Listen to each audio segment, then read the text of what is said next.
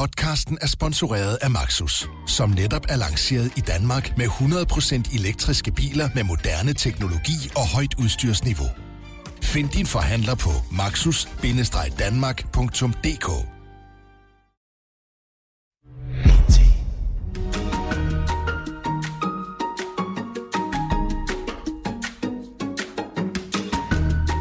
Så står vi her igen i det lille ydmyge studie i Pilestræde i det indre København. Klar til endnu en omgang Q og K, det ugenlige mediemagasin udgivet af BT.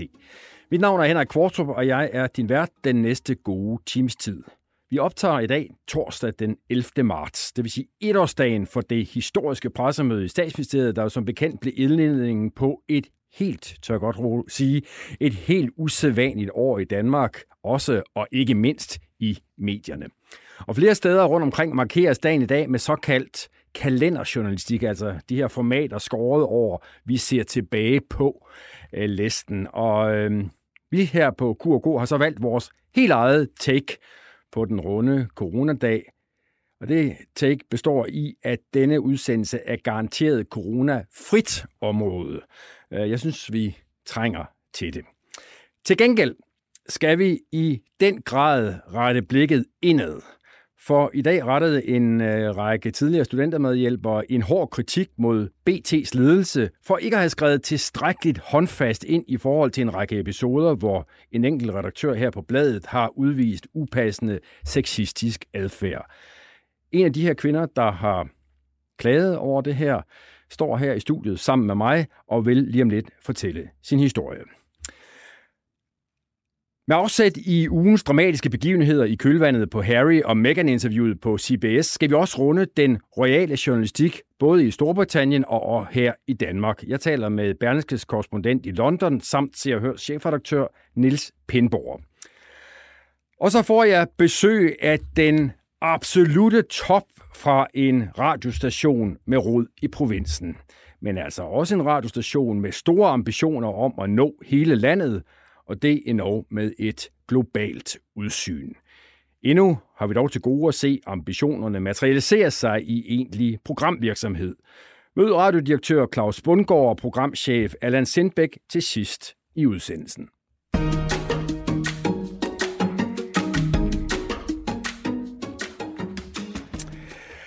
Så er vi kommet til punktet, hvor jeg skal øh, introducere min gæstevært. Uh, ser over på dig, Karen Bro. Øh, velkommen ja, til. Tak skal du have. Selvstændig journalist, mm. kan man vist godt titulere dig som nu, Det ikke? må du gerne, ja. Og så er du faktisk i denne her uge blevet øh, medindehaver af titlen forhåndværende chefredaktør på Ekstrabladet, fordi du har den ikke alene længere. Nej, man kan ikke have det alene ret Nej, længe. det kan man ikke, fordi Paul Madsen har gjort det rangen stride. Han er også som bekendt, det tror jeg de fleste vil vide, blevet forhåndværende chefredaktør på Ekstrabladet. Lidt senere i udsendelsen skal vi lige mm. runde Ekstrabladet, og også øh, Paul, som jeg ved, du, du kender rigtig godt. Men øh, lad os lige få øh, det er måske lidt mindre kendte, øh, den lidt mindre kendte del af dit CV, Karen, på plads. Altså, du og jeg har jo for eksempel en skummel fortid her i huset. Det har vi på Berlinske. Ja. Ja, igennem en årrække. Du var tit på forsiden. Du kunne ja. lige skære den, kan jeg huske. Og jeg sad sammen med Ask Rostrup og ja, Kjeld Hybel og, og Lotte Mejlhed. Og det, var, det, var et, øh, det var i al beskedenhed et meget godt hold dengang, og vi havde dig som redaktør og sådan noget. Ja, men, ja, der kom jeg ind på sådan en rigtig mandearbejdsplads, ikke? Ja, apropos noget af det, vi måske skal, skal, skal tale om ja. lidt, uh, lidt senere. Men jeg vil lige sige, Henrik, at jeg kan faktisk huske, og det, øh, det var jeg glad for, at øh, du var meget skeptisk en gang, hvor jeg sad og redigerede en af dine artikler, og hvad var nu det, og hende den nye der, og sådan noget, fik jeg lidt. Men så det næste, fandt... du siger, det er, at jeg var skeptisk, fordi du er kvinde. Nej, og, og så nej det, det du, var skeptisk, fordi, du, var, du var skeptisk, fordi jeg var ny og ung, tror okay. jeg. Eller det ved jeg ikke, det er også at spekulere. Men du var i hvert fald skeptisk. Du var sådan, og jeg skulle også lige tage mig lidt sammen, fordi du var jo sådan en af de der store dygtige der, ikke? Men så bagefter, så sagde du til mig, det var sgu godt, du så det der. Nå. Ja, og det var jeg glad for. Hvad er det, man siger? Blind høne kan også, og så videre, ikke? øh, Udover det, Karen, øh, så har du været på, ja, øh, du har faktisk også været på BT en gang. Ja, jeg har været på, altså min, mit første københavnerjob var BT, der var jeg meget ung, der var 26, tror jeg, øh, og der var jeg 6 år, og så kom jeg til Ekstrabladet første gang, der var jeg kun 8 måneder, det kunne jeg ikke lide. Jeg synes, der var alt for meget druk, og brød mig faktisk ikke om det. Det er sjovt, du siger det, fordi jeg har faktisk også en fortid way back på Ekstrabladet, og jeg kunne heller ikke have med det der øh, berømte bord 2 nede i politikens kantine at gøre, men altså, det er jo, det, det er jo en anden avis ja, i dag. Ja. Men, men der, det, enten kunne man, eller også kunne man ikke med den der stemning, der var på Ekstrabladet Ja, lige dengang. præcis. Og jeg kunne ikke, øh, og så, øh, så kom jeg på Berlinsk, og det var noget, jeg havde drømt om lige siden jeg var helt, var praktikant, tror jeg, fordi jeg havde hørt om øh, nu desværre afdøde Erik Bistrup, som var en redaktør, øh, som øh, var virkelig en, mand. Ja, var en legendarisk mand, og som virkelig gik op i journalistikken, og det havde man hørt om, så ham ville jeg så gerne arbejde med. Og det fik jeg lov til, så jeg var i 10 år. Så kom jeg til det, der hed 24 timer, som var en, øh, kan I huske, gratisavis, mm-hmm. krigen, ja. Øh, og der var, det var en, en, der hed Paul Madsen, som var chefredaktør, han hentede mig derover. Det var grænseoverskridende for mig, fordi nu havde jeg haft det trygt og godt på Berlinske, og så at skulle skifte, mm. og så kom hen et sted, som var sådan helt nyt og helt anderledes. Det rigtig fede var, at min erfaring, den kunne jeg ligesom selv se, at den kunne noget, fordi det var sådan en ung team. Og det, jeg fik af dem, var, at øh, de stod jo op til møderne, og de var næsten ude af døren, før man fik sagt, kan du ikke godt? Altså på de gamle arbejdspladser, der skal man nogle gange sådan, der, det var, sådan var det i hvert fald i sin tid, at man skulle sådan, det behøver ikke at være et telefoninterview, kan du ikke gå ud i verden? Det behøvede man ikke at sige her, for de var allerede afsted. Så den energi der var fantastisk. Så skete der jo det, at Paul han øh, blev hentet tilbage til Ekstrabladet. Det var jeg ked af, fordi at jeg var glad for at arbejde sammen med ham, men øh, så spurgte han, om jeg ville med over. Så kom jeg på Ekstrabladet for anden gang. Og så havde jeg en lille bitte, de, de sagde på Ekstrabladet, Karen var på overlov på Danmarks Radio, men jeg var, jeg, jeg var derude i fire måneder. Tænk, det havde jeg fuldstændig glemt. Lige, jamen, det var også meget kort. Hvad lavede du derude? Jamen, der var jeg indlandsredaktør. Og så øh, kom jeg tilbage til Ekstrabladet og blev chefredaktør nummer to sammen med Paul. Og det var du så indtil 2019, og 19, ja, så vidt jeg Ja, Lige præcis. Og vi skal lige have historien, fordi du trak dig jo for mange lidt uventet der i 2019, fordi du havde et nyt og et spændende projekt, øh, du ville ud til. Ja, der vil jeg ud og prøve at lave et, øh, et internationalt magasin med for, for kvinder primært. Og så viste det sig desværre, at hende, der havde pengene, bagkvinden, det var i virkeligheden ikke det, hun ville, viste sig. Mm. Hvad ville hun så? Hvad ville hun så? Jamen, det er, jeg tror, det er, nu følger jeg ikke så meget med mere, men det, det handler mere om sådan uh, impact i forhold til, uh, hvad hedder det, miljø, og kunne gøre en forskel i forhold til at støtte, uh, nu, står, jeg står, nu står jeg faktisk i virkeligheden og udtaler mig noget, jeg ikke ved så meget om, men det er ikke det samme som det, som jeg er sat ud for så vi gik ligesom hver sin vej, det er fint nok. Det sker nogle gange. Fortrød du, at du havde forladt Ekstrabladet? Du ville nej, så blive til noget? Nej, det gjorde jeg ikke, og det, man skal aldrig fortryde, fordi hver eneste gang, man ligesom hopper fra den ene tue til den anden, så får man altid noget med sig, og man får også nogle åbenbaringer om, okay, hvem er det lige, jeg er nu, og hvad er det, jeg gerne vil. Men hvis man har været tre gange på Ekstrabladet, så kan man vel for så vidt også godt være der. du mener, nu, der er plan, nu kan jeg gå tilbage. Fire gange. det er ikke planen, Henrik, det vil jeg sige. Jeg er rigtig glad for der, hvor jeg er nu. Så du er ikke i spil til en vis chefredaktørpost? Nej, det tror jeg heller. Jeg tror heller ikke, der er nogen, der vil bringe mig i spil til den. Det kan jeg ikke forestille mig. Ja, jeg der gjort. Nu har jeg gjort mit i hvert fald, hvis nogen skulle... Ja, ja, og du kan, det kan også være med med dig, Henrik. Ja, ja, ja. Altså, du kan jo også komme tilbage igen. Ja, ja, der er meget. Så vil, så vil jeg også være der for fjerde gang. Ja. Der kunne ske så, så, så meget spændende. Hvad laver du nu, Karen? Jeg laver to store projekter sideløbende. Øh, det ene er, at jeg er i gang med at skrive en roman. Det er helt utrolig svært. Det har jeg aldrig prøvet før. Det er også helt utrolig spændende. Jeg lærer et nyt håndværk. Og hvad handler den om? Altså, jeg vil sige det på den måde, at, øh, at forlaget vidste godt, hvad for nogle ting, jeg ligesom brænder for, hvad der interesserer mig. Det er jo blandt andet øh, hvad hedder, kvinders rolle øh, på arbejdsmarkedet, for eksempel. Kvinder i ledelse. Det er sådan nogle ting, der interesserer mig. Jeg interesserer mig meget for, om jeg, hvis jeg kan give noget videre til den generation, der kommer efter mig, for eksempel Anna Louises generation, det vil jeg rigtig gerne. Øh, og jeg synes, den tid, vi er i lige nu, øh, også for en leder af Sofie Linde og så videre, viser, at generationerne skal bakke hinanden op. Altså min generation skal bakke unge kvinder op, så det er et tema, der også kommer til at spille en rolle. Så vil jeg lige fortælle om det andet projekt, jeg laver, fordi det har også det tema, kan man sige. Jeg er i gang med for Journalisthøjskolen at lave en undersøgelse af, hvad gør de ude på mediearbejdspladserne nu, efter Sofie Linde sat anden bølge i gang hvor vi ligesom ikke længere behøver at spørge os selv om, er der egentlig sexisme på danske mediearbejdspladser? Nu skal vi kigge på hinanden og sige, hvordan undgår vi, der er det? Hvordan håndterer vi det, når det er der? Og hvordan laver vi en anden kultur? Så det er et vidensdelingsprojekt og et udviklingsprojekt, som jeg er enormt glad for Spørgsmålet er, Karen Bro, om du var lidt forud for din tid øh, dengang du var chefredaktør på Ekstrabladet. Nå, men jeg spørger, fordi altså, jeg tror godt, du ved, hvad jeg krabber med retning af, fordi du havde jo mange spændende projekter kørende med øh, kønsroller og feminisme og alt sådan noget. Og, og, og den måde, jeg beskriver det her på, er måske i virkeligheden meget kendetegnende for den måde, som, no offense, det blev betragtet lidt dengang. Altså, når man, Karen Bro, hun hygger sig med de der projekter, øh, og så lader hende gøre det. Øh, men spørgsmålet er, om, om du i virkeligheden øh, ja, var forud for din tid. Altså, det ved jeg, det vil jeg ikke stå og bryste mig af, men jeg var i en udvikling, øh, som både var en personlig udvikling, og så, som også var en udvikling, som, øh, som øh, samfundet var i, øh, som jeg synes var spændende at følge. Og, øh, og jeg, er, altså, jeg er jo enormt glad for, at de erfaringer, jeg har gjort mig, kan, kan jeg bruge nu øh, på noget, som jeg håber også andre kommer til at få gavn af. Og så vil jeg kigge jeg over på dig, uh, Anne-Louise Ryge. Du er min uh, gæst uh, her i studiet i dag, og, og man skulle næsten tro, at jeg havde ja, ja. planlagt det her, men det har jeg faktisk ikke, fordi uh, jeg havde inviteret dig som gæstevært, Karen, ja, længe inden, at du pludselig, Anne-Louise, toner frem i uh, Fagbladet Journalisten. Yes. Og vi to kender hinanden, fordi ja, vi, vi. Uh, har, er, har været kolleger. Nu er ja. du ikke længere på BT, men indtil for kort tid siden yes. var vi kolleger her på, på BT. Og når du står her, så er det jo fordi, at du øh, og en række andre tidligere ansatte yes. på øh, avisen faktisk har rettet en meget øh, skarp kritik. Ja, det kan man godt se af forholdene her, øh, og ja. den måde, som MeToo bliver håndteret på. Øh, fortæl, hvad du ikke er tilfreds med. Jamen, øh, altså, jeg har været ansat på BT siden november 18, øh, og det har været en... Øh, det har været en givende tid på mange måder, men det har også øh, været en udfordrende tid på, på lige så mange punkter. Øh, det førte til, at jeg i Jamen, i oktober måned sidste år øh, gik til ledelsen sammen, allierede mig med otte af mine fantastiske kolleger, studenter med hjælper også, øh, og fortalte ledelsen om øh, den her nyhedsredaktør, hvis opførelse vi var, øh, vi var ganske utilfredse med.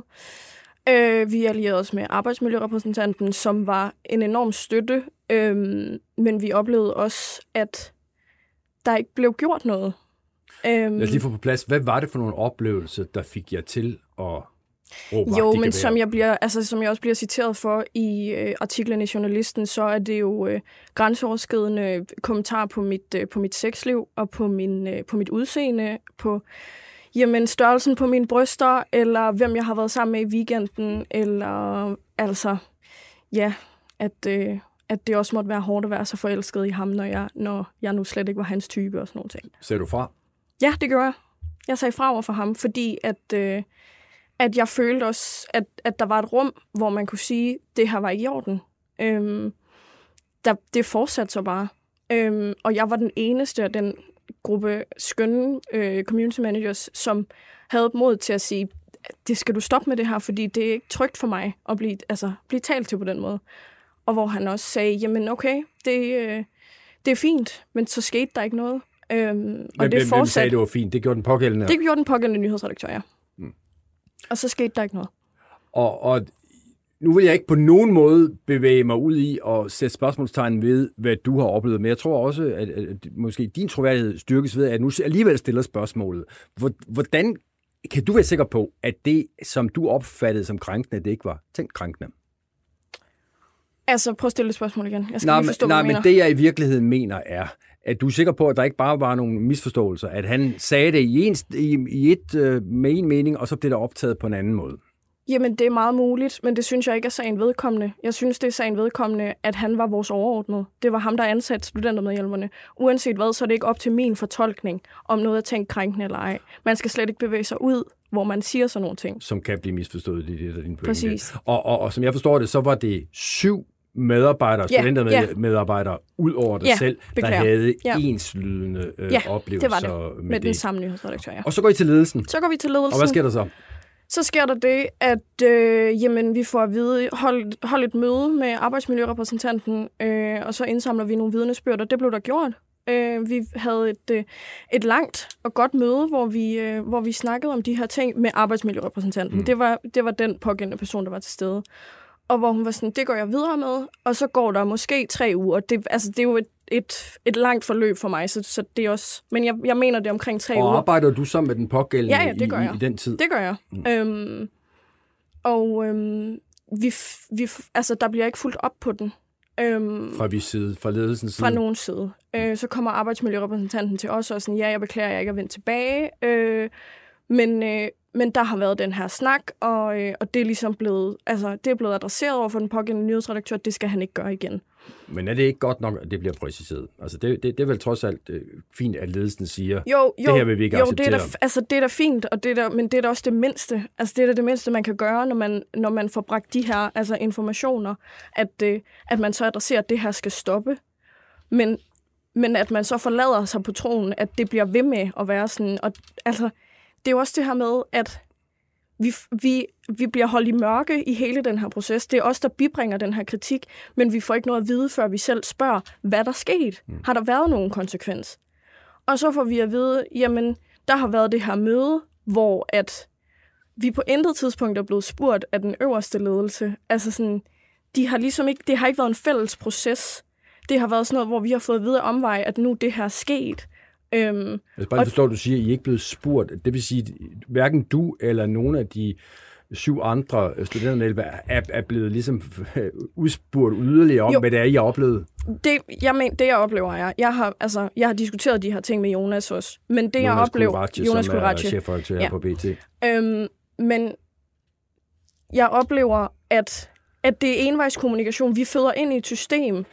Arbejdsmiljørepræsentanten tager det videre i systemet, og så hører vi ikke noget tilbage.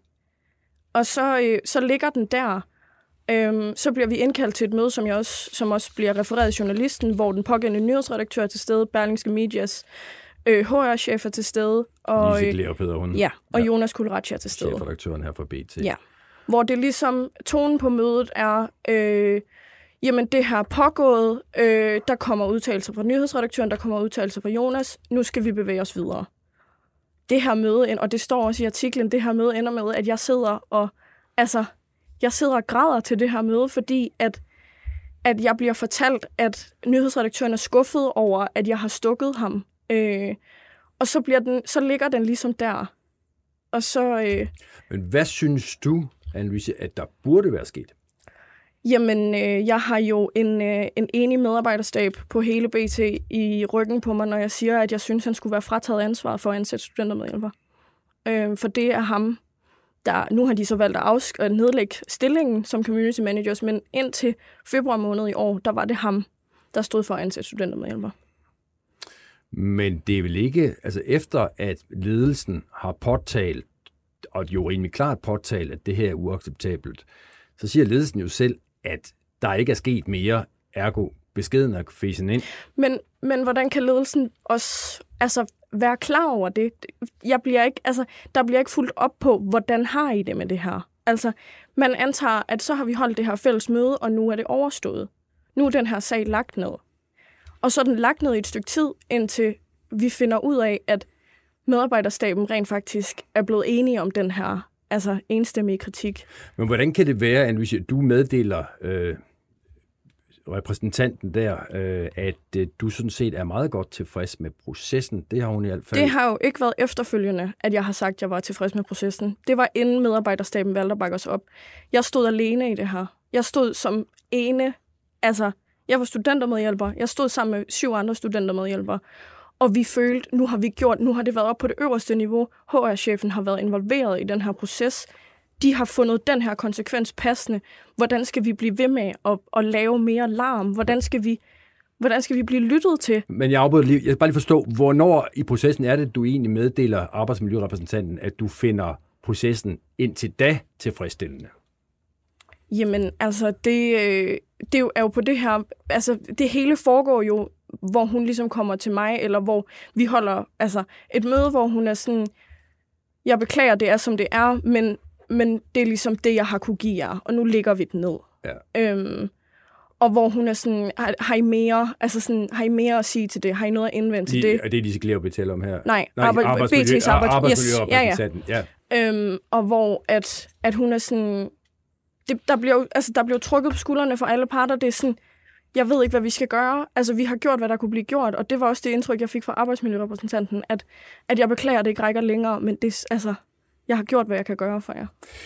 Det ville jo være helt øh, normalt at, at have, få en kommentar fra en ansvarlig her på, på bladet. Ja, det, det vil sige. HR-chefen eller den ene af de to chefredaktører, men det har altså ikke været muligt. Øh, jeg ved godt, det lyder lidt mærkeligt. Jeg sidder her som BT-medarbejder og siger, at det ikke har været muligt at få en kommentar fra øh, chefredaktøren. Det har det altså ikke. Øh, ikke, at jeg ikke har kunnet få fat på dem. Det har jeg godt, ja. men de har ikke ønsket at, at, at, at sige noget.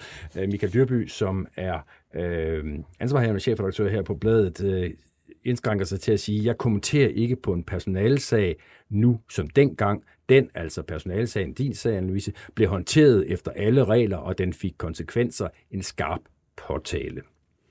Er det godt nok? Det, altså, det synes jeg ikke, det er. Jeg forstår ikke, hvorfor at, at de med ro i sindet kan sætte ham til, når vi så skal ansætte, eller da vi dengang skulle ansætte nye studentermedhjælpere, at jo, jo, vi har set de her vidnesbyrd. Vi vurderer stadigvæk, at han er i stand til at ansætte den næste studentermedhjælper, efter han har udsat studentermedhjælperne for de her ting.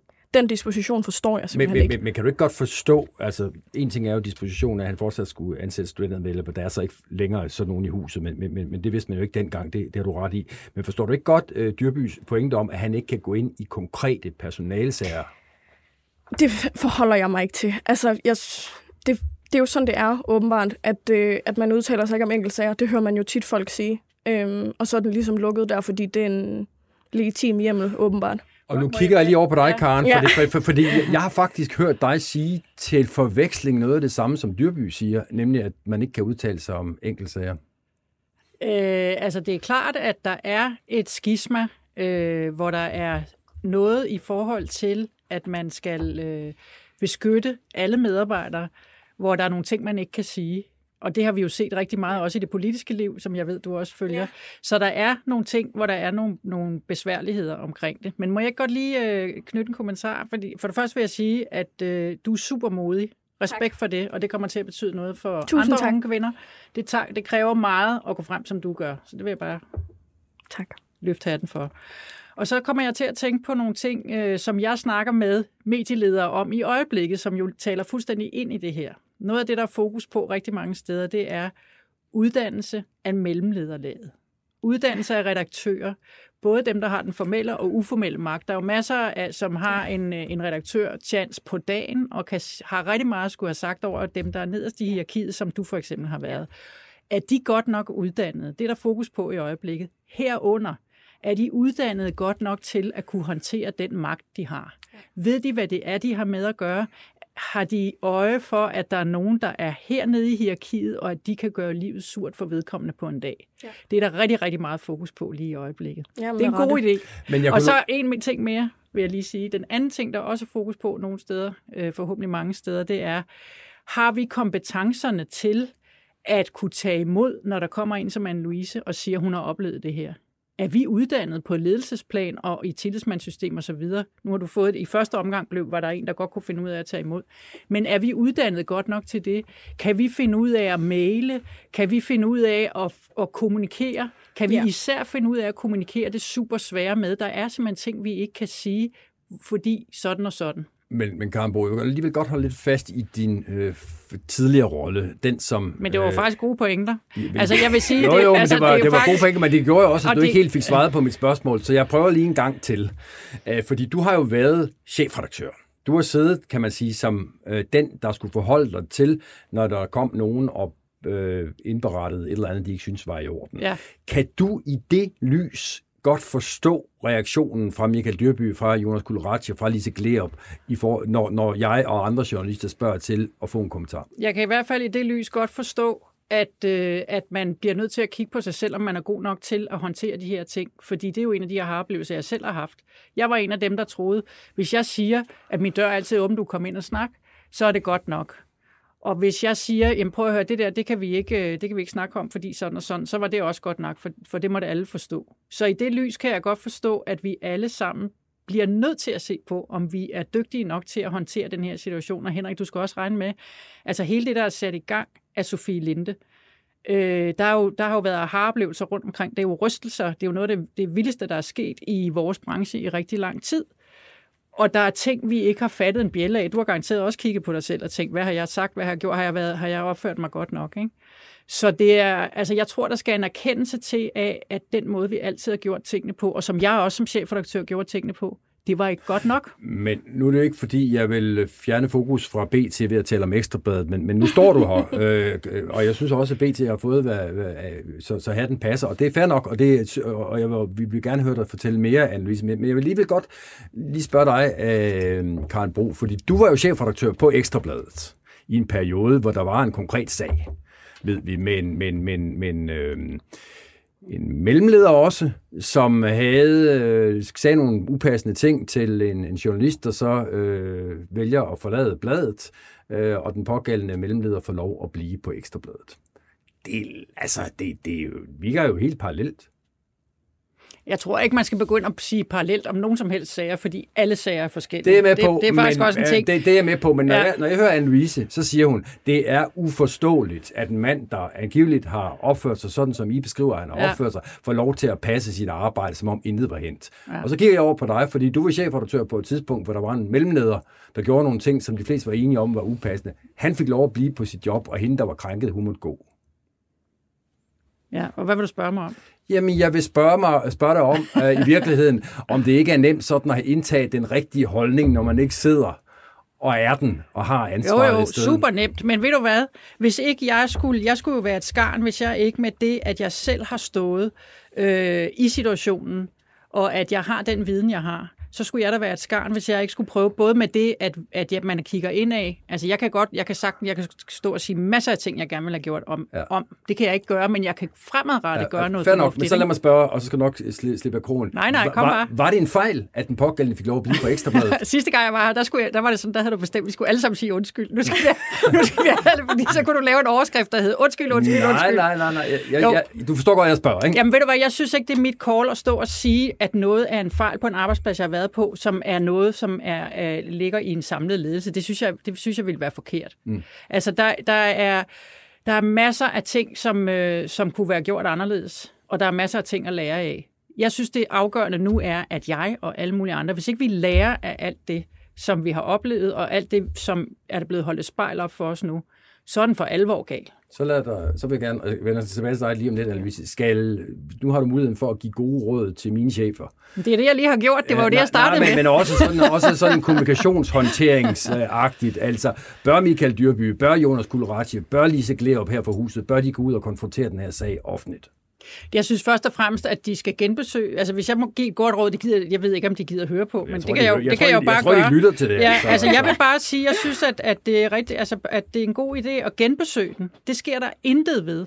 Altså, det er jo også det, du prøver at stå for mig til at genbesøge øh, sager, ikke? Det sker der aldrig noget ved at tænke, hvad kunne vi have gjort anderledes dengang? Hvis det ikke var godt nok. Og jeg faktisk i artiklen, der siger øh, HR-chefen jo, at der siger hun jo, så vidt jeg husker, at den ikke er blevet håndteret godt nok. Så må man jo tilbage og kigge, hvad er det så, vi kan gøre? Så det vil være mit helt konkrete råd. Anne-Louise, hvad håber du, der kommer ud af det her? Udover at vi har en snak som den her, for eksempel. Øh, jamen, jeg synes, det her er en rigtig god start. Øhm, og så håber jeg, at, øh, at folk kan se, hvor fantastisk meget støtte jeg... Øh, altså nu er det jo ikke andet end hvad, seks timer siden, at den her er blevet offentliggjort, men, men jeg har simpelthen modtaget så enormt altså mange opfordrende kommentarer og støtte fra altså en bred kant, og det håber jeg kan inspirere nogle andre til os. Og, altså, og måske turde gøre det samme. Jeg er i en privilegeret situation, hvor at jeg har et andet arbejde, øhm, og som også sætter mig fri i forhold til at sige nogle flere ting. Og jeg forstår godt, at der er en masse forhold, der gør, at det er svært at sige ting højt, hvis man stadigvæk er på en pågældende arbejdsplads, specielt som deltidsansat. Øhm, men, øh, men jeg håber, at det kan kan være en inspiration for nogen. Det lyder meget floskelagtigt, det at man skal det. stå her det bliver det. Det er ikke og være en inspiration, men, øh, men altså, det var jo derfor, jeg gjorde det. Jeg jo, øh, har jo også gået her på den her arbejdsplads, mens nogle af de her ting, som I siger, har været krænkende, er foregået. Ja. Jeg synes, jeg er sådan en rimelig observant øh, menneske. Det kom fuldstændig bag på mig, at jamen, der skulle være foregået. Så hvordan, jamen, altså, det er jo ikke, fordi jeg på nogen måde nej, besvivler det. Jeg, jeg, jeg, jeg er bare nysgerrig, hvordan kan man være på en arbejdsplads, og så kan sådan noget foregå, uden at man ser det? Men hvis du ikke ved, hvor du skal kigge hen, altså, og hvis det, det kom jo også som en overraskelse for den ledelse, jeg gik til, at de her ting havde pågået. Og det kan man jo også undre sig over, men, men det er immer væk sådan, det var. Øh, men mange af de her ting, og det siger jeg jo også i artiklen, mange af de her ting er foregået på beskeder på sociale mm, medier. Okay. Mange af tingene er foregået til fester, øh, hvor at, at opførselen ikke bliver monitoreret. Øh, Så en ting er, hvad du ser herinde. Øh, der har angiver jeg også nogle eksempler på ting, der er sket meget højlydt herinde. Øhm, men en anden ting er jo også det, der foregår alle, på andre andre tidspunkter. I hele den her debat om MeToo, og det er ikke, både, det er ikke kun BT, men det er jo generelt, øh, og, og også i medierne har der været et vist fokus sådan på, kan man sige, krænkernes retssikkerhed vi fokuserer på kvinderne, det er helt som det skal være, men også, der begynder også at være en diskussion om krænkernes retssikkerhed. Og, og jeg vil godt vigtigt. tænke mig ja, at spørge dig, Anne-Louise. Du har jo også, altså, du har været med til nu at starte en, en, en snak. Jeg tror ikke, der er så mange på den her arbejdsplads, der ikke ved, hvem den pågældende er. Øh, ligger der potentielt et problem i, at man på den her måde kan hænge en konkret person til tørre? Altså, jeg synes for det første, det er at afspore debatten og snakke om retssikkerhed. For retssikkerhed, øh, det har, har, jo ikke, har jo ikke noget med retssikkerhed at gøre. Det har noget at gøre med, at altså, der er jo ikke nogen, der siger, at han skal dømmes for det her. Der er bare nogen, der siger, at det er dårligt lederskab. Altså, og at det, det skal der måske falde nogle konsekvenser for. Men, men jeg synes, som jeg også altså, siger i artiklen, at når der igennem hele min ansættelsestid på den her vis har været et, altså sådan, en bevidstliggørelse blandt alle de ansatte om, at den her mand og hans tone var anderledes, og den var grænseoverskridende, så synes jeg ikke, at det er, altså så synes jeg ikke, der er nogen fare i at kalde det ud, fordi jeg oplever også, at folk skriver til mig nu, tidligere ansatte herindefra, og er sådan, tak fordi du siger det, vi andre aldrig turde sige højt. Så, så det synes jeg, nej, jeg synes ikke, at, at der bliver hængt nogen til tørre. Jeg synes faktisk, det, er en, det var godt, du lige blev fanget på den der. Det gjorde jeg egentlig også, for det er godt at gøre opmærksom på, at det, altså det der med forskellen på retssikkerhed ja. og så på adfærd på en arbejdsplads. Ja. Men, men det er jo super vigtigt netop at have kompetencerne til at kunne håndtere også den, der bliver kaldt ud som krænker. Ja, og det, er det, er det, der, det, det er jo det, man skal være uddannet til Og det er vel for pokker ledelsens opgave at sikre, at man ikke bare bliver kastet for øh, folkedomstolen eller medarbejderdomstolen. Det er også ledelsens opgave, og det er super svært at balancere de ting der. Det er derfor, der skal uddannelse til. Man skal ja. have kompetencerne til det. Og det kan man også få ved at få hjælp udefra. Anne-Louise Ryge, øh, tak fordi du øh, kom ind og Jamen, gav den gas på, på min arbejdsplads, din tidligere arbejdsplads, og det foregår alt sammen i et studie på BT. Yes. Øh, så øh, om ikke andet, så, så synes jeg, der ligger en, en, en pæn portion civil courage i at, tak, og, man sige. Og, og, og gøre det. det man tak sige. fordi du, øh, du kiggede forbi. Tak fordi jeg måtte. Øhm, hvad tænker du, Karl, vi skal runde den af? Altså... Jamen, jeg tænker stort mod, øh, og øh, jeg er jo fuld af optimisme, når jeg ser en repræsentant for, for den unge generation, som, øh, som siger, at øh, vi, vi gider ikke, at tingene skal være, som de altid har været. Vi gider ikke den der jargon, som var, da, da Henrik og Karen var små. hvor vi nok bare, altså min generation, vi sagde, Nå, okay, det er jargon, så kan de få igen i samme skuffe. Vi stillede ikke så mange spørgsmål. Ja. Det gør din generation, og det synes jeg bare, jeg skal have tak for. Så tak. respekt.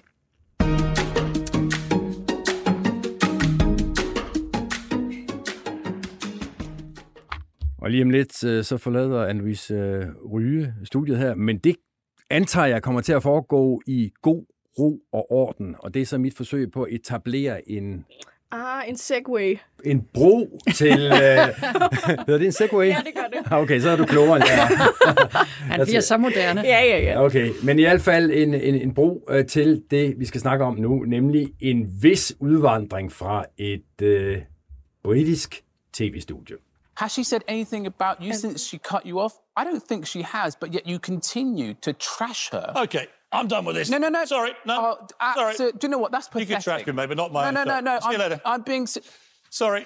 Hvad så, Karen? Så du det her optrin, eller tjekker du det ind på, eller ud på, uh, på YouTube? Ja, eller? jeg har set det her. Har okay, set det. Fantastisk. Ja, det, det er der ja. for lidt af i Dansk Morgen TV. Jamen, det er jo det. Altså jeg, altså, jeg skal jo prøve at finde ud af, hvad jeg kan sige for at få dig til at udvandre her, men jeg, jeg nu ser vi. Jamen, det kan vi kalde, at der er en cliffhanger. Nå, men, men, men mens du udtænker dine planer i forhold til at få mig til at forlade studiet, så øh, synes jeg måske lige, vi skulle prøve at høre, øh, hvad Paul Høj siger om det her intermezzo. Og for dem, der ikke ved det, så er Paul Høj øh, Berlingskes mangeårige øh, først USA-korrespondent, og nu er han så korrespondent i Storbritannien. Øh, og jeg, da jeg ringede til Paul her i går, så ind i det med at spørge ham, hvem denne Piers Morgan egentlig er. Han er sådan den store mund i, øh, i britiske medier. Han har en mening om alt, og han er altid oppe i de høje decibel-lag, øh, altså nogenlunde som et luft, lufttryksbord, ikke? Og han øh, hver morgen på britisk øh, morgen-tv der holder han for. Han har en mening om, øh, han er meget imod studerende, han er meget imod krænket, han er meget imod venstreorienteret, han er meget imod især Meghan og Harry. Og han er stort set lige så subtil som, som bagblæst fra en, uh, en lyskanon.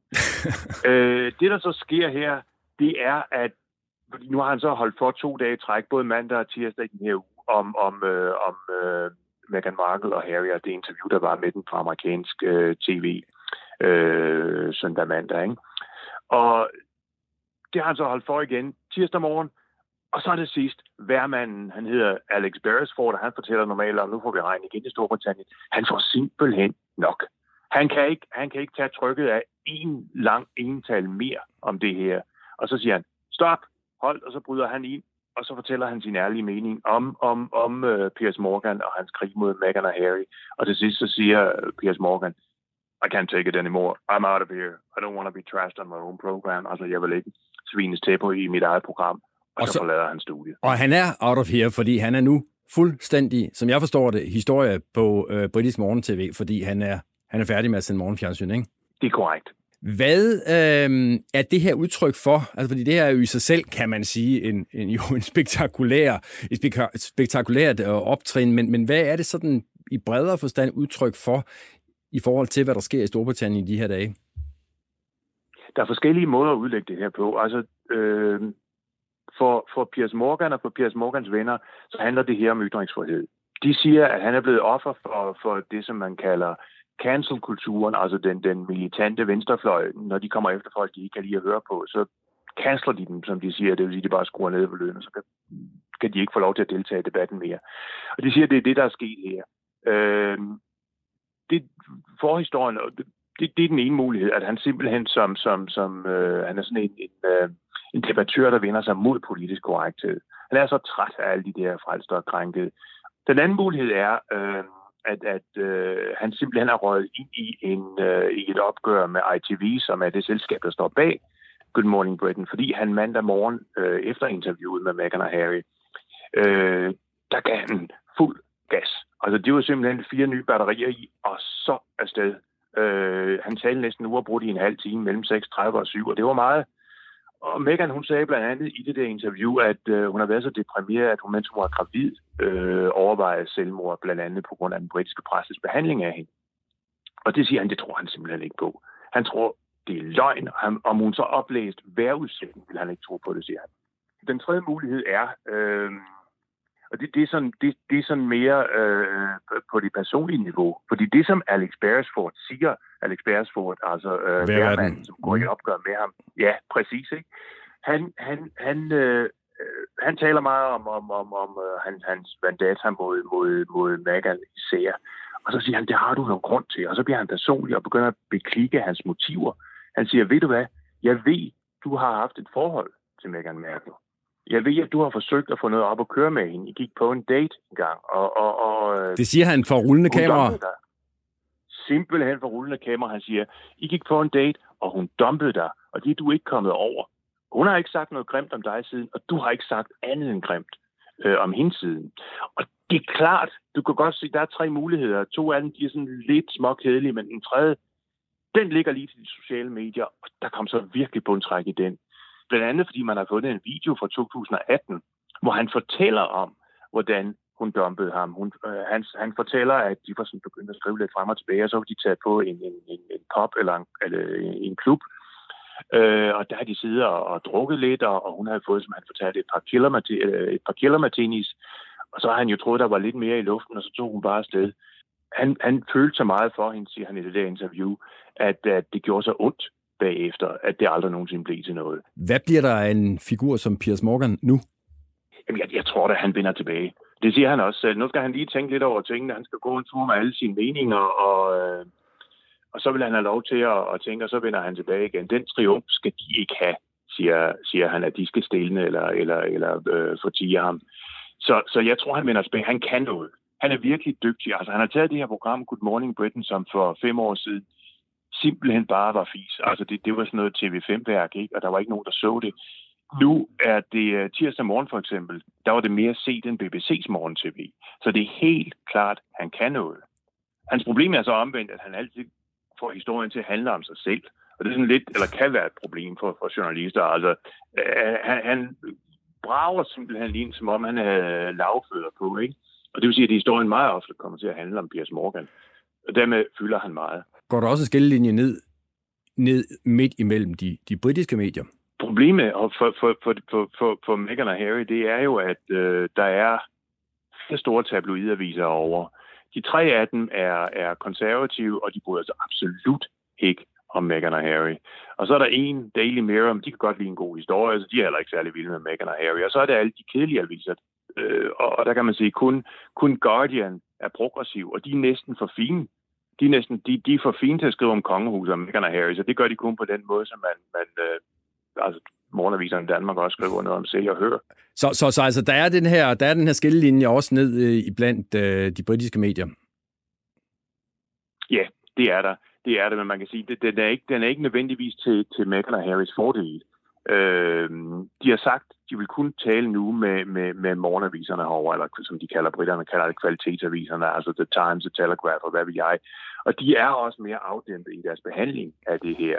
Øh, tabloidaviserne, de fire store tabloidaviser vil de simpelthen ikke tale med. Men, men igen, der er kun en avis, som, hvad skal man sige, er, er, er pro Meghan og Harry, og problemet med den, altså The Guardian, er, at den skriver ikke ret meget om det. Sagde altså Paul Høj, øh, Berlingskes øh, korrespondent i øh, Storbritannien. Og velkommen til dig. Tak. Niels Pindborg, chefredaktør på, på Se og Hør. Ja. Nu er det ikke sådan, du fortæller mig, at du også har været på en date med et førende medlem af det danske kongehus, som er gået galt, og det så forklarer øh, det snit, I lægger på kongehuset. det vil jeg ikke afsløre her. Det vil være synd for vedkommende i hvert fald. men, men, men, men Niels, altså, øh, kan du på nogen måde se nogle paralleller fra det, vi ser øh, i Storbritannien, til den måde, som den royale journalistik bliver øh, udfoldet på i Danmark? Ja, altså indtil for ganske nyligt i England også, der var det jo primært tabloidaviserne, som overhovedet på nogen måde turde forholde sig kritisk til noget, der foregik med blåt blod i årene. Og det er jo også det samme billede, vi ser i Danmark. Ja, vi har selvfølgelig mit eget blad, klap mig selv på skulderen, ser og hører, og så BT og Ekstrabladet, som rent faktisk har modet til og, og, og være kritisk over for kongehuset, når der er noget at være kritisk over for. Det er jo ikke altid, der er det, men når der er. Øhm, og øh, hvis man en enkelt gang imellem oplever en vinkel i, øh, i de to tv-stationers dækning af kongehuset, som er kritisk, så kan man være forvisset om, at den har først stået i enten Ekstrabladet, BT eller Se og Hør. Så på den måde er der en parallel. Der er dog sket det i England i den her øh, situation, at øh, at også The Quality Papers, altså her, her, herunder The Times, jo rent faktisk har gået noget til makronerne i forhold til at bashe øh, øh Megan. Så, så, så, så, så, så ja, øh, øh, der er en parallel til sådan, som det var, men lige nu, der er der jo i England et sandt stormløb mod Meghan og Harry. Men tror du ikke i lige så høj grad, det kunne jeg også have spurgt Paul Høj om, men tror du ikke i lige så høj grad, at det handler om, at, at, at det Meghan har sagt på en eller anden måde jo ryster monarkiet, truer det britiske monarki? Jo, jo, det tror jeg helt sikkert, og, og nu siger han, der er en række konservative øh, aviser, øh, men, men de er jo alle sammen stolte af deres monarki derovre, øh, som jo er et elgammelt monarki med en dronning, som er næsten ældre, og, øh, og øh, så man skal, man skal ikke rode for meget ved, ved, ved, ved, ved den øh, kompostpunkt, så tror jeg, man får ørerne i maskinen. Men det man jo også kan se i Storbritannien, det er jo, hvordan øh, Philip, øh, undskyld, øh, hvad der han hedder. Du, du, det ved du mere Charles. Om. Hvem er nej, nej, nej, Harry. Uh, Harry Storbror. Ja, William. William og, og hans uh, hustru Kate. Kate, ja. Det er godt, man har en chefredaktør, ja, ja, ja. vi ser og hører i studiet, ja, ja. så jeg ikke skal blamere mig med min fuldstændig uvidenhed. Og jeg kunne også komme på tynd is her, Korso. Men uh, altså, det, man jo ser derovre, som jeg i hvert fald har kunnet læse mig til, er, at der ligesom er en, en helt anden, meget venligere tilgang til, uh, til de to, end der nogensinde har været til Harry og, og, og Meghan. Altså, denne her del og hersk øh, tilgang til, til de kongelige. Ser man det i Danmark? Nej, øh, det, det synes jeg ikke, man gør på samme måde. Altså, og man kan jo sige, i forhold til det, det er jo, det er jo, det er jo der, hvor Meghan og Harry har nogle af de øh, sådan, mest klokkeklare pointer i, i forhold til det interview, som blev bragt øh, hos Oprah Winfrey. Jeg synes ikke, vi øh, ser det på samme måde i Danmark, fordi der er ikke så meget kritisk kongehusjournalistik i Danmark, så, så det gør noget. Er der altså, for vi, lidt? Der er alt for lidt, altså, men vi skal heller ikke være på sådan en galej over, hvor vi bliver farvet over småting. Altså, det skal være, når der er noget at komme efter, så skal vi gå til den. På Se og Hør har vi jo haft nogle øh, glimrende eksempler, øh, startende med, øh, med ikke startende, men et, højt, et højdepunkt journalistisk var jo, da, da prins Henrik for efterhånden tre år siden jo i Kajks fik fortalt, hvad han mente om det der hint. Øh, og øh, dygtig journalist Jakob Heinl lavede i sommer et interview med Joachim, som jo endte med at blive et interview med Marie. Jakob Heinl, der er jo et snart han, ja, han starter desværre snart BT. hos jer. Ja. Øh, øh, lavede et, et fremragende interview med Joachim, og ikke mindst Marie, hvor hun jo også fik sagt nogle sandheder om, hvad der foregår bag de lukkede døre. Altså pointen hos hende var, at det bestemt ikke var deres idé, at de skulle øh, flytte til øh, Paris og være udstationeret. Øh, så jeg synes i virkeligheden, at vi giver det taletid, når der er, og vi bruger rent faktisk ret mange ressourcer på også at finde konfliktfyldte vinkler. Men vi skal heller ikke bare for at være trælse og frække øh, se problemer overalt. Øh, vi skal huske på, at kongehuset har mange støtter. Der er også mange af vores læsere, som er vilde med kongehuset, og godt kan lide, når de kommer frem i en, i en, i en, i en øh, flot rød kjole og klipper en snor. Og det synes jeg bestemt også, vi skylder at, øh, at illustrere i vores blade. Jeg kunne godt tænke mig lige at runde begrebet kongehuseksperter ja. øh, en lille smule, fordi det er jo sådan noget, vi opererer med i medierne. Altså, et, jeg tror, der er en 3-4 stykker, man kan ringe til, og så formodes de her folk at have en viden om og en holdning til alt, hvad der ja. foregår i kongehuset. Altså, øh, der er Lars Hovbakke, der har været der i mange år. Så er der øh, Søren Jarsen, ja. som jo faktisk fik øh, ørerne lidt i ørerne Han lavede lidt en halv Piers Morgan. Han, ikke? Det var altså... det, jeg vil sige. Han lavede faktisk en hel Piers Morgan, ja. fordi det, der jo også skabte Piers Morgan-problemer, det var jo det her med at se, så tvivl om, hvorvidt Meghan nu også, som hun sagde i det der interview, i virkeligheden var selvmordstruet. Ja, der, der skal du altså virkelig være ekspert og have noget viden, som ingen andre har, før du overhovedet skal begynde at udtale dig om det. Altså, hvad der foregår inde i hovedet på folk, øh, det, det kan vi, vi jo vildt ikke vide noget om. Man skal passe på med det her ekspertbegreb. Jeg synes, det er legitimt at bruge folk, som rent faktisk har brugt noget tid på at sætte sig ind i, hvad der, hvad der, hvad der, hvad, hvad der foregår i, i institutionen. Hovbakke er for eksempel uh, historiker, så vidt jeg ved, og, og kan jo kongerækken og har set nogle tendenser og har fulgt med i det. Uh, men man skal passe på med ikke bare at tage deres udlægninger for sandhed, for det kan det jo ikke være, specielt ikke når det drejer sig om, hvad der foregår inde i hovedet på et menneske. Kambo, hvad synes du om kongehuseksperter? Jamen, jeg synes, det der konkrete, vi taler om, at både Piers Morgan og, og en herhjemme har, har udtalt sig om, øh, at de ikke tror på, at hun har haft selvmordstanker. Det synes jeg er fuldstændig ude i hampen, og det er der ingen, der kan bruge til noget, at, øh, at de sidder og udtaler sig om. Men, men så, altså, så og, selvmordstankerne til side? Altså, jamen, det, der, det er da ret væsentligt, altså, ja, ja, ja. Fordi, fordi, og det er jo også noget, der peger ind af i journalistikken, fordi man skal også tænke sig om, hvem det er, man snakker med om hvad.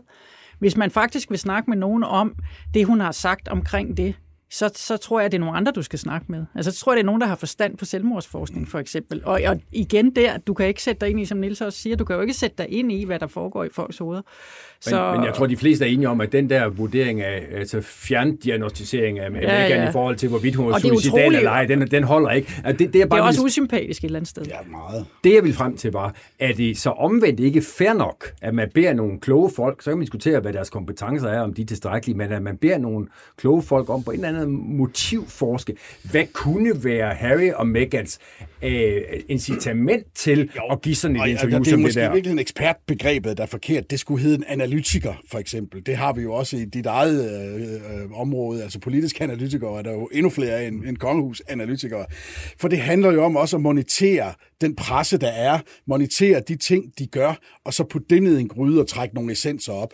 Det er jo helt legitimt at motivfortolke der, når det bare ikke handler om, om selvmordstanker i øvrigt.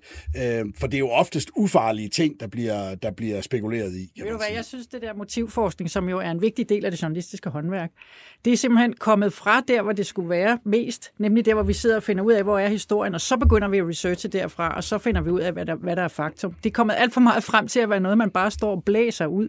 Og det er i øvrigt også noget, der har noget med, med hele vores debatkultur at gøre. Altså det er også noget, politikere benytter sig af, at begynde lige pludselig at spekulere i for åbent tæppe, at den og den er korrupt, og den og den er sådan og sådan. Altså motivforskning er først og fremmest noget, du bruger i forhold til at finde ud af, hvor du skal lægge din indsats øh, i din research. Ikke?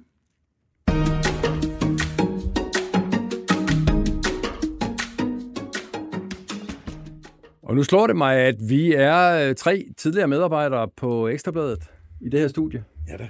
Øh, jeg tror aldrig, vi har været der på samme tid. Ikke alle tre. Ikke alle tre, nej. Men du har en længere fortid på Ekstrabladet. Ja, jeg har, ja. Du har også, Karen, som vi allerede har været inde på. Jeg har da været der i 13-14 år. Har du det? Ja, ja. Øh, en, der har været der i 14 år som chef, det er øh, en meget omtalt øh, mediemand for denne her uge, nemlig, og jo i alle uger, men denne her uge fik den så lige en ekstra øh, til tand, fordi øh, Poul Madsen meddelte, at han nu forlader Ekstrabladet. Og du er overrasket over den pinde ikke ja, timing måske, men altså Paul har jo siddet i den stol i, i mange år. Jeg, man kan jo sige, jeg har jo et job, der sådan minder en lille bitte smule om hans, altså et konstant pres. Og jeg må øh, være næstgrus øh, af beundring over, at man kan modstå det pres i, øh, i år og 10, for det er ikke sjovt. Telefonen den pimler og bamler, og der er altid nogen, der synes, du er en idiot. Øh, jeg så faktisk uh, Paul Madsen sige, jeg tror det var til Media Watch i dag, at der er kun en anden, der kan konkurrere med ham om at, at have fået meget skæld ud, og det er Lars Lykke. Ja, ja. Ja, ja, ja shitstorm. Ja, shitstorm, ja. Men, men, men, men, hvorfor det sker nu? Uh, Paul siger, det er fordi, han skal være, eller han er blevet far til uh, Frida, til lykke med det. Det kan sagtens være, det er en grund. Det kan også være, at der sidder nogle kloge mennesker, som har nogle andre planer. Det finder vi ud af med tiden, tror jeg. Men altså, uh, jeg synes, at 14 år uh, og 11 år i den, i den store stol, det, det må man bare tage hatten af for. Altså, det,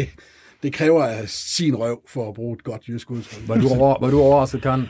Ja, men altså, jeg stod faktisk i, i mit køkken og spiste en makrelmad. Det var ikke, fordi jeg skulle, det var ikke, fordi jeg skulle lave en selfie. er det nu det, også med den på hos dig? men det gjorde jeg faktisk. Og hørte, og hørte radioavisen. Og så ringede telefonen, og så, øh, så var det Jyllandsposten, som spurgte, hvad min øh, reaktion var på, at Poul Madsen stoppede. Mm. og det var den måde, jeg fik det at vide på. Du har jo arbejdet sammen med ham øh, i chefkollegiet deroppe i, i faktisk adskillige år. Ja, og så arbejdede jeg også med ham på 24 timer. Ja, ja, så... Og øh, så har vi gået i klasse sammen på Journalisthøjskolen. Nå, det vidste jeg ikke ikke? Jo, jo, jo. Så, så du kender ham, øh, kan man sige, bedre, bedre end de fleste. Hvad er det for en mand? Det er en mand med en fuldstændig vild energi. Øh, det tror jeg næsten er det første, man skal sige, fordi øh, når jeg for eksempel før, hvor jeg sagde, at jeg blev så ked af det, da jeg var kommet der, lukket ud af Berlingeren efter 10 år, kommet over på det her, den her arbejdsplads, øh, hvor jeg så havde Paul som chef, og så, så gik han til, til Ekstrabladet. Der blev jeg ked af det, og, og det tror jeg hang sammen med den der, altså han har en, han har en helt vild energi, og man tror på, at det kan han trække det der. Altså, Paul ville virkelig også være fantastisk i Silicon Valley, ikke? Altså, som en, en, en, til at lave en startup virksomhed. Ikke? Det var det jo også dengang, kan man sige. Så hans energi, som er, er, er ret enestående. Ikke? Udefra ligner han jo en mand, der ikke påvirkes synderligt af de tæsk, han får. Mm. Er han også... Han er en... ikke upåvirkelig. Nej, nej, det er han ikke. Men han har stamina, som, som Pindborg også siger. Ja, det, det, det kræver det ja. også. Det kræver det ja. også. Hvad forudser bliver hans rolle nu? Han, Jamen, siger, han, han siger jo selv, at han vil ud og skrive artikler. Jamen, jeg, jeg, jeg, ja. Han, han, siger, han sagde jo først og fremmest, at uh, nu vil han være Fridas far, ja. og så vil han være Helenes mand. Og så siger han en million andre ting, han også skal, og derfor så vil jeg sige, at han, jeg håber, han lige uh, trækker vejret, og så siger nu starter jeg altså lige med de der to ting, og så lige finder ud af, hvad det så er af hele det der repertoire, han ruller ud om, at han skal lave tv, og han skal skrive, og han skal lave konsulentvirksomhed, og han skal hjælpe folk med sidste og alt det der. Han vil være god til det hele, men hvis han også skal være øh, det, han først og fremmest vil være, så, så skal han lige trække vejret, og så tage en ting ad gangen. Nu er, og det tror jeg, du kan bekræfte, det kan du også, Niels, altså øh, det her med, at øh, Ekstrabladet er et, et hårdt sted, og der er en rå tone, og medarbejderne øh, giver og tager, også i forhold til ledelsen. Og jeg kan ikke lade være med at fortælle en, en historie, jeg hørte i går fra en øh, tidligere prominent medarbejder på, på Ekstrabladet, der, der fortalte om, om medarbejderforeningen, og det, det, det handler om Poul Massens klummer, Øhm, øh, fordi på et tidspunkt så var det så øh, op og vende, og det blev så også senere besluttet det her med, at når man sådan skulle lay avisen, af visen, så de her såkaldte fritskrabninger, øh, det, det er åbenbart meget tidskrævende at lave dem, og de bliver så øh, udsourcet og outsourcet, som det sidder til Bangladesh. Der koster det 4 kroner. Ja, der koster det 4 kroner for at lave en fritskrabning. Ja. Og så, hvis historien holder vand, så skulle der være et bramfrit medlem af Ekstrabladets medarbejderforening, der foreslog, om man så ikke i samme ombæring kunne outsource Paul Massens klummer til Bangladesh også. Øh, og, og, om det er det sjovt. Og om det, om det har noget på sig, det, det ved jeg ikke. Men altså, øh, hvad tænker I? Skal jeg lige høre her til sidst? Øh, skal, øh, bliver det Pernille Holdbøl, der fortsætter, eller er hun bare konstitueret konstitueret? Hvad tænker Hvad er din vurdering, Karen? Jamen, jeg, jeg, jeg gider jo ikke at stå og spekulere. Det er jo det. Nå, jeg spekulerer det kan, gerne. Det, det, det, gerne. det gør jeg uge efter uge, og gerne med Søren Jakobsen hjælp i spalterne. Ja, det, jeg synes, vi mangler at finde ud af, hvad, hvad opgaven er derovre, hvad det er, de vil. Der er jo ingen tvivl om, at de har fået baghjul af nærværende avis her det sidste års tid. Og at huset i øvrigt også er udfordret, fordi at Bergenske Tidene, altså den store øh, avis her, jo rent faktisk sidder ret solidt på journalistikken i Danmark, som jeg ser det lige nu. Nu læser jeg ikke alt, alle artikler i øh, hele kongeriget, men de er i hvert fald meget markante i deres journalistik. Øhm, så, så, så det skal jo stå klart for dem, hvad det, er, hvad det er, de vil. Nu bliver det meldt ud, at de ikke vil clickbait og tomme sidevisninger. Tror vi på den? Det ved jeg ikke, om vi tror på, men, men det er jo nemt at sige, at man ikke vil. Øh, det vigtige er jo at komme ud og sige, hvad det er, man så vil, og det følger jeg i spænding. Jeg har kæmpe veneration for avisen.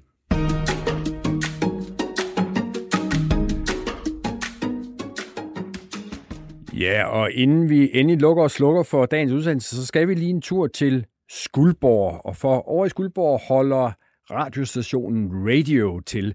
Øh, Radio vandt her for nylig et større udbud og arbejder nu på at få en radiostation op at stå, øh, der skal sende til hele Danmark.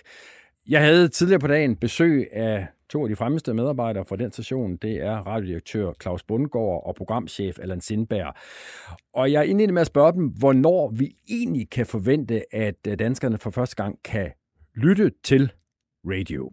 Ja, men uh, nu skal jeg lige kigge i notater. Se, uh, det du spurgte om, det var, uh, hvad, hvad, hvornår vi regner med at, at gå i luften, og det er fandme snart. Uh, snart er, jo, du siger, snart er jo et vidt begreb. Uh, ja, uh, men det er fandme inden for kort tid. Uh, ja. Men det, jeg kan sige... Hvad er kort tid? Uh, jamen, det er jo... Uh, det er jo, hvis du ikke har så lang tid igen... Uh, Ja. Altså ikke på, på den måde, men... Uh... Nå, men jeg spørger jo selvfølgelig, jeg spørger jo selvfølgelig, fordi man ja. har indtrykket af, at I har arbejdet efterhånden ganske længe med det her. Der er jo også ja. sluppet nogle ting ud fra jeres, øh, fra jeres øh, forberedelsesforløb her. Ja, ja. ja. Øh, og, og, og på et eller andet tidspunkt er det vel, og nu kigger jeg over på dig, ja. Allan Sindberg, ja. på et eller andet tidspunkt ja. er det vel egentlig fair nok, at man siger, okay. Det er det i hvert fald. Nu skal, men, der, nu skal der også komme ja. noget ud af det her. Men lad mig tage den, i lyset af, ja. at, at der er nogle skattekroner i halen Selvfølgelig, ja. Lad mig tage den, Henrik. Ja, øh, det er klart. Øh, altså det der, det, der, det, der er, sagen her, det er, at vi har valgt at være fuldstændig gennemsigtige. Ja. Og ikke, og ikke og gemme noget som helst væk. Derfor så har vi jo også, ja det er jo en anden ting, Claus, at vi er gulvhøjde. Det der med gulvhøjde vil jeg gerne vende tilbage til lidt senere, men ja. hold fast i det her med, med, med fuldstændig gennemsigtigt. Henrik og alle, nu må jeg fandme lige, fordi... Nej, nu skulle lige mig, Claus. Det, Jamen det skulle lige, jamen Claus, nu skulle lige mig. Jeg prøver, jeg prøver lige at, det er mig, der har været her, så jeg prøver lige at styre det. Det jeg gerne vil høre dig øh, om, Allan Sindberg, som er programchef, og dermed jo også den ansvarlige for, at programmerne bliver til noget. Fuldstændig, fuldstændig. Øh, hvor langt er vi fra, at det her materialiserer sig til noget virkeligt? Ja, og det var det, jeg ville svare på, hvis jeg lige må få ørenly her. Øh, altså, vi er jo valgt at være fuldstændig gennemsigtige, og derfor har, er der også udkommet den her podcast, som her Undskyld, vi over, hvor man mm. kan følge fra start af hele vores proces mm. imod øh, sendestart. Ja. Øh, og man kan sige, at det er jo en lang proces, så hvis det føles som om, hvad fanden har det været i gang lang tid, så er det bare fordi, at vi er helt gennemsigtige. Mm. Men man følger os hele vejen. Og hvis man har fulgt alle mulige andre øh, ting, der var startet, så har man også tænkt, hvad fanden, hvor lang tid skal det have? Men det er jo en kæmpe øh, hangarskib, det her for bygning ja. også. Det er jo ikke bare lige sådan en lille speedbåd, som mm. bare kværner afsted. Det her, det er altså en ordentlig, øh, ordentlig skib. Men, men, men, men jeg prøver lige at spørge igen, ja. fordi det er meget godt med gennemsigtighed og ja, ja. hangarskib og sådan noget, men, ja. men, men jeg går lidt efter en dato. Nå, Bare ja, til ja. nærmelsesvis. Ja, ja, men det, altså... det er jo en detaljegrad, vi ikke sådan kan komme ud med, uh, Peter, uh, Henrik. Uh, men, men kalder du det detaljegrad? Ja, det er jo i hvert fald en, vi ikke lige uh, kan nå til bunds ud i, i hvert fald lige det her interview. Men, men, men hører jeg dig sige, Claus Bundgaard, ja. at det sådan set ikke er noget, der vedkommer, eller rager nogen, hvornår at øh, I er luften? Altså, jo, jeg, jeg minder jo. lige om igen, at der er ganske mange statskroner bundet i det her. Ja, men fandme jo. Øh, øh, øh, men vi kommer jo fandme ud af... Øh, hvad var det? Nu skal du høre. Det er jo faktisk fordi, øh, hvis du nu tager det her vaccineproduktion, øh, mm-hmm. Øh, der har vi jo i Danmark også nogen, der siger, jamen prøv at høre, det tager fandme lang tid, men så bliver det fandme verdens bedste, når den kommer mm, ud. Mm.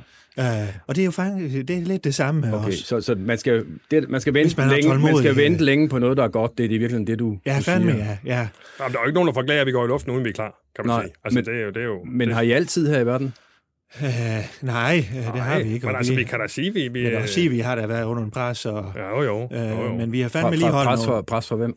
Uh, nyheds, eller hvad hedder det, internt også. Og... Ja, vi har bestyrelse jo, som også ja. øh, mener, vi skal... De presser fandme ja. også på Men selvfølgelig, det. altså, men vi kører sådan set efter den tidsplan, der nu engang er sat op, øh, mm. som vi har... Så I har, I har bare så jeg forstår det, I har vidst hele tiden, at det vil tage så umanerligt lang tid? Uh, Jamen, jeg tror egentlig, det er meget naturligt lang tid. Altså, vi skal også lige have alle værter på plads. Uh, det er ja. selvfølgelig også dig, Claus, som kan fortælle om de værter der. Men ja. vi skal jo have alle programmer beskrevet og på plads, inden vi ligesom kan gå i luften. Og så er det overrasket os over. Altså, vi er lidt overrasket over, hvor mange timer vi egentlig skal fylde ud. Altså, ja. det er fandme ja. meget sådan døgn. Mm. Altså. Men, men, men, men Claus Bundgaard, nu ser jeg lige over på dig igen. Ja. Det har I vel vidst hele tiden? Altså, at der var x antal timer, der skulle fyldes ud, det kan ja, vel næppe komme ja, som noget chok. Jo, jo, jo, det har vi da. Og vi får jo det, vi får Men din, din programchef har jo lige sagt, det kom bag på jer. Så, Nej, så ja, ikke så altså. hurtigt, du. Uh, uh, kan vi... Uh, kan vi lige spole lidt tilbage? Er det ikke noget mere sådan grundlæggende, du lige... Jo, det kommer vi tilbage til, men, ja. men nu er det jo mig, der har været her, så jeg, jeg prøver lige at holde fast i, i altså, ja, hvad, hvad, hvad, hvad årsagen er til, at det har trukket så meget ud, som ja, det men har. det fandme også, og det kan vi lige så godt komme ud med nu, Allan. Vi er fandme ved at, at finde ud af, for vi vil jo ramme gulvhøjden, men også de unge jo. Ja, ja. Og der er det jo pivmoderne, og, og, og med sådan noget app, øh, ja. app-teknologi. Ja. Så Apps, vi, det er fandme pivfedt. Ja, så det vil vi fandme brugt tid på mm. at, at komme ud med. Så det er faktisk det, der kommer ud først, okay. i første omgang. Uh, og så, så går vi live. Så ikke nogen uh, radiokanal, som man jamen, kender jamen, jamen, altså, du jo, kan, det, men det der, det, der det, det, det standpunkt kan du da godt tage. Jeg, jeg kan da godt høre det, du, du er kritisk. Og du kan da godt tage det standpunkt, når fanden kommer ud. Men vi bliver den eneste radio mm. i hele verden, som udkommer, før vi udkommer. Mm. Ja, faktisk. Det forstår ja. jeg ikke. Hvordan kan man udkomme? Jamen, før vi er allerede udkommet yeah. med en podcast som bagom, og så kommer vi med, med en app, ja. øh, inden vi overhovedet går i luften. Okay. Og, og det, den her app, det er ikke bare en almindelig app, den har banebrydende ny teknologi. Okay. Det er sådan noget med, øh, hvad hedder det, øh, hvad står uh, widget. Mm, uh, mm. Og den her. Men, men jeg er helt sikker på... spole og, ja, ja, ja. og play og, og spole, som ikke mange apps kan mm. egentlig. Og så kommer der sådan en stikker. Uh, Claus Bundgaard, jeg, jeg, jeg, jeg, jeg afbryder dig lige her. Ja, øh, det er fordi, vigtigt, lad os lige prøve at høre, hvad der så er på plads. Ja, det vil. I jeres, ja. øh, i jeres forberedelse. Ja. Sådan, Peter. Ja, ja. jamen det er sgu... Det er, det er, det er lægen. Det er lægen, ja. ja, ja. Jamen der er sgu... Øh, jamen der er faktisk det mest plads. Vi mangler lige et par enkelte aftaler med nogle værter. Men mm-hmm. ellers så har vi jo en programoversigt. Vi har sågar lavet en næsten færdig øh, sendeplan, øh, som vi faktisk har, altså stort set på plads. Vi mangler lige weekenden. Men ellers er vi faktisk på plads med hele øh, sendeplanen. Altså mm. fra, fra, fem, fra 6 morgen du, til, til hele natten med. Hvis I nu ligesom... Jeg er med, ja. med på, at der er mange udsendelser. Hvis I sige, det er det her, vi, vi er mest stolte af. Ja. Hvad er det så, Nå, det er Claus jo nok, Bundgaard? Øh, skal jeg svare på den? Ja, det er Måns. Uh, det er Måns. Ja, det kunne det være. Må vi sige en top 3, eller? Ja, ja. Jo, men så kunne morgensutteren, den kan godt komme ind på mm. top 3. Det, det, er vores, det er vores signaturprogram. Det er ja. jo hele morgenflagen, det her morgensutteren. Vi giver danskeren uh, morgensutter på. Mm. Ja. Og hvem er vært der? Det er du. Det er mig. Ja, ja fandme ja. Og så Jakob Rising er vi nok ved at lande. Er vi ved at lande? Er næsten på plads, ja. Det kan jeg godt sige nu. Okay, ja. så, så det er en kendskærning? Ja, fandme. Øh, Ja, lad os sige det. Ja. Kan jeg ringe op til Jakob Rising efter det her program og få det? Ja, lad mig lige ringe til ham først. Okay. Så skal jeg høre, øh, der har også været andre prominente navne i spil. Uh, ja. Chili Claus blandt andet, uh, ved jeg, har været ja, i spil. Han, han springer jo lidt i mål, og det kan vi jo, ja. altså, det kan vi jo ikke rigtig gøre for, altså kan man sige. Han, han siger jo, jamen det, vi kører fem, og så kører vi ikke alligevel. Altså, Nå, det, er jo, ja. det er jo sådan en ting, det er irriterende, ikke også? Men det er, han er åbenbart et eller andet, der er vigtigt. Så, så, så, så, så, manden der, og det kunne, var vi jo alle sammen vidne til, også der lyttede til jeres forberedelsesprogram ja, ja, der, ja. der var udset til sådan at være et omdrejningspunkt, bliver ikke noget omdrejningspunkt. Øh, nej, lige til Claus. Ikke han, og og man kan sige... Det er jo måske øh, også meget godt. Altså. Jeg tror, vi havde for meget fart på for okay. ham simpelthen. Og det var en for stor maskine. Du skal tænke jo, Henrik, at øh, vi, vi vil jo gerne smide et anker ud i fri, fremtiden. Mm. Øh, det snakker vi meget om. Ja, vi vil gerne smide et anker ud i fremtiden. Ja, frem, øh, fremtidsanker. Mm. Mm-hmm. Og, og der Godt. skal vi fandme være banebrydende øh, med apps og, og ja. banebrydende på medier. Ja, bare for lige at mange, på, på bare, vi vil være på mange platforme. Bare lige, ja. undskyld, jeg afbryder, bare lige for at, af, øh, altså lige at, ja. få det på plads, det her med, med mandskabssiden, profilsiden. Altså, vi har småstemmen fra IKAS, som yes. jeg går ud fra er øh, fast. Yes, yes, yes, den, den er på plads. Ja. Og så har vi... Så har vi din Jacob, tidligere kollega, ham der var chef for dig, øh, Rasmus Broen. Ja, ja. Ham har vi øh, som nyhedschef. Og han har nu aldrig været chef for mig, men, men lad nu det ligge. Han var højt på strå på sin gamle arbejdsplads. Lad os sige det sådan så. Ikke chef for mig. Det er simpelthen, nej, men det, du er fandme heller ikke chef for ham, der. Nej, nej. Nej, fandme nej. Øhm, og, og, så han er på plads. Øh, ja, ja. Men ikke... Øh, Chili Claus er ude, og, og Jacob Rising, det var sådan en fornemmet lidt på dig, Claus Bundgaard, i en måske. Ja, altså... Uh, nu står nu... Du går fandme hårdt til den. Henrik. Øh, Jamen, det, det er vel det. vi det, sender, det, jeg det, sender er jo, en det sms er jo. Claus Bor. Det er jo dit Du bord, må fandme ringe til ham, så får jeg lige sendt en sms siger, at du ringer lige til ham. Ja, ja og, og, og, og så er det så din forventning, at han siger, jeg er på. Fanden med, ja. Okay. ja, ja. Så har vi en masse talenter jo. Og så er vi jo ved at lande en aftale med, med Søren Rastad også. Ved at lande. Ja. Og det er lidt det samme, hører jeg. Altså. Jamen, han er i hvert fald interesseret. Er det ikke rigtigt? Ja, han er fandme interesseret. Han er fandme interesseret. I en Okay. musikquiz, uden, Ja, ja. uden musik. Jeg kunne godt tænke mig at... Heino Hansen Heino Hansen, er vi også ved det største øh, navn, har vi lige fundet ud af. Ja. Hvad med Heino Hansen? Øh, Ja, han er- han han, skal ham fra, øh, øh, hvad fanden hedder det, øh, Stormester. Ja, ham vil vi også være... Ja, Øh, ved at ham, er, ham er øjet. Stormester Ham med i... øjet, i, i, ja, ja, sådan. jamen, stormester i hvad? Fjernsynet. TV2-program, øh, Stormester. Nå, Ja, okay, ja. okay, okay. Okay, er, okay. han er bællerøjet. Okay, han er bælgerøjet. Øh, Men lad os lige øh, for, forlade øh, profilerne, eller i hvert fald de, Ja. de planlagte profiler en lille smule, og kigge lidt på jeres programerklæringer, fordi dem Ja. ja. har der jo været en, en, en Ja. ja. række af, som, som jeg har hørt. Ja. Altså en af de mere øh, kendte er jo det her med, at man skal være i, i gulvhøjde med, Ja, ja. med, med, med, med, med, med, med lytterne. Ja. Hvad, hvad, hvad betyder det konkret? Jamen, øh, det betyder jo, at øh, vi vil fandme være i gulvhøjde med lytterne. Ja, Det er det, det, er det, man, det, er det ordene siger, men hvad, hvad, hvad, hvordan skal det konkret udmyndtes? Jamen, det er, øh, øh, at vi vil fandme være så tæt på dem, så Hvordan- man hvordan? næsten ikke færdig. Jamen, vi snakker Hvordan? om, vi vil, gerne- vi vil gerne være en, en ven med lytteren. Det var godt, Ja. ja. Allan. Altså, vi vil gerne, fandme gerne, Det var godt. vi vil fandme gerne være, være en ven med vores lyttere. Men, men, men undskyld, jeg lige, prøv lige at holde lidt fast her. Altså, ven, hvordan? Jamen simpelthen så tæt på hinanden, ligesom man er med en ven. Og så det vil sige, at vi skal jo tage den enkelte lytter seriøst, og hvad er dine problemer, hvad går du og tumler med, hvad er, og det, det er det, vi mener med gulvhøjde, fordi der er sgu så mange øh, radioer, som flyver rundt i luften, Ja. og folk de kigger op og siger, hvad fanden er det for noget af det her? Ja. Og, og det er ikke nok at være i øjenhøjde, du skal fandme ned på knæ foran den. Ja. Lige foran skal og kigge op der. Vi skal Ja. snakke, og vi, Vi skal, skal snakke, og og vi det skal skal ikke føre nogen sted Nej. hen. Men må jeg ikke bare lige... Der skal ikke være noget fokus. Det skal, Altså, øh, og jeg hører også lidt sådan idé, en modstand mod sådan det københavnske, det smarte, det hurtige. Jo, altså det ved jeg sgu Det ikke. er- Det er i hvert fald det hurtige, ikke? Også, Det og det er der med det Ja. hele, altså, hele tiden. Der skal være så meget Ja. og Hovskundsovnske over det hele. Men når jeg, når jeg spørger, så er det fordi jeres øh, ny, nyansættelser, det er jo en bekræftet ansættelse på Fandme, ja. radioen. Det Ja. er Rasmus Brun fra, fra den korte radiovis, der Ja. jo har haft en fortid på Radio 24 Ja. Og man kan jo sige meget øh, om Rasmus Brun, men han er jo ikke kendt for at være sådan en en plebejer-type. Altså, han er måske mere, så, han, han er mere måske sådan, jamen, sådan en, en jævn folkelig type. Nå, nej. Øh, han er måske mere sådan en, der... der, der altså, det Ja, jeg prøver ja. at sige er, Ja, at ja. i, i gulvhøjde med lytterne er ikke det første, der rinder mig i hu, når jeg... Og lige med øh, ham, når- nej. nej. Men ved du hvad, det kan du fandme godt have. Jo, jo, men der, er det også, der har vi da også snakket om, altså man skal jo også, når du skifter arbejdsplads, Ja. også, så, så, så giver man dig ikke at skifte hen til et sted, hvor du siger, nå, men der kan jeg det hele. Der er ikke noget, jeg kan lære. Mhm. Der er bare Og så- det, altså, der er jeg overkvalificeret. Nej, du skal da et sted hen, hvor du ligesom kan lære noget nyt. Og vi kan da lære Rasmus lige at komme lidt ned og lige sige, hey, hey, Fandme, den her nyhed, hvad fanden det nu handler om, skulle vi ikke lige få den lidt ned? Og så har, vi noget- jo, så har vi jo gjort det, som vi gør øh, i skuldborg, når vi skal have nogen til at arbejde De skal fandme bo i byen. Hvad fanden er der? Vi skal fandme ikke bo et eller andet andet sted, så nu får vi ham til, og så er, øh, så er rutinen sådan set, at så går halvanden to år, så er han fandme skuldborg borger. Og han bliver så, som jeg forstået det, nyhedschef. Ja, Han er en del af ledelsen. jo. han er Ja. en del af Ja. Og hvad, hvad, hvad, hvad indebærer det at være nyhedschef på øh, radio? Ja, men øh, han står jo for en tredjedel af programmerne, Ja. og han skal stå for nyheder hver halve time. Og Ja, han, han er med i, og programmer, i altså. udvikling af programmer. Han laver sendeplansmøder, det står han fandme for. Lad mig lige her til sidst øh, prøve prøv at høre et af jeres andre øh, slogans, Ja. øh, hvis man kan kalde det det. Det globale i det lokale. Ja, lige præcis. Hvad betyder det? Jamen, det Ja, betyder ja. jo, at, øh, at alting er jo øh, forankret i lokalitet. Skuldborg i det her tilfælde. I Jo, eller hvor vi er jo landsdækkende. Altså, selvfølgelig er vi er jo fra Skuldborg, vi bor der, men der er øh, vi, skal jo, vi skal jo fagne alt. Men alle bor jo et eller andet sted lokalt. Du, Ja. ja. du bor jo lokalt, hvor du bor nu. Mm. Men det er vel, det er vel en selvfølgelighed? Ja, nemlig, selvfølgelig her. Og så, ja. så, men en anden selvfølgelig her er jo, at, øh, at alle har jo et øh, globalitetsudsyn. Så, så for den måde vil vi gerne øh, synergere mellem lokalitet og globalitet, og så bare, og det er jo, altså synergering, det er jo, når modsætninger mødes Når- og når de lykkes. Mødes, ja. Ja. Jeg, jeg er ikke sikker på, øh, at kigge lige over på dig, Claus, ja. jeg er ikke helt sikker på, at jeg helt forstår Ja, men det. vil du være ærlig talt, så er det ikke en diskussion, jeg gider at gå ind i. Men, men hvorfor egentlig ikke? Det, det ærligt talt.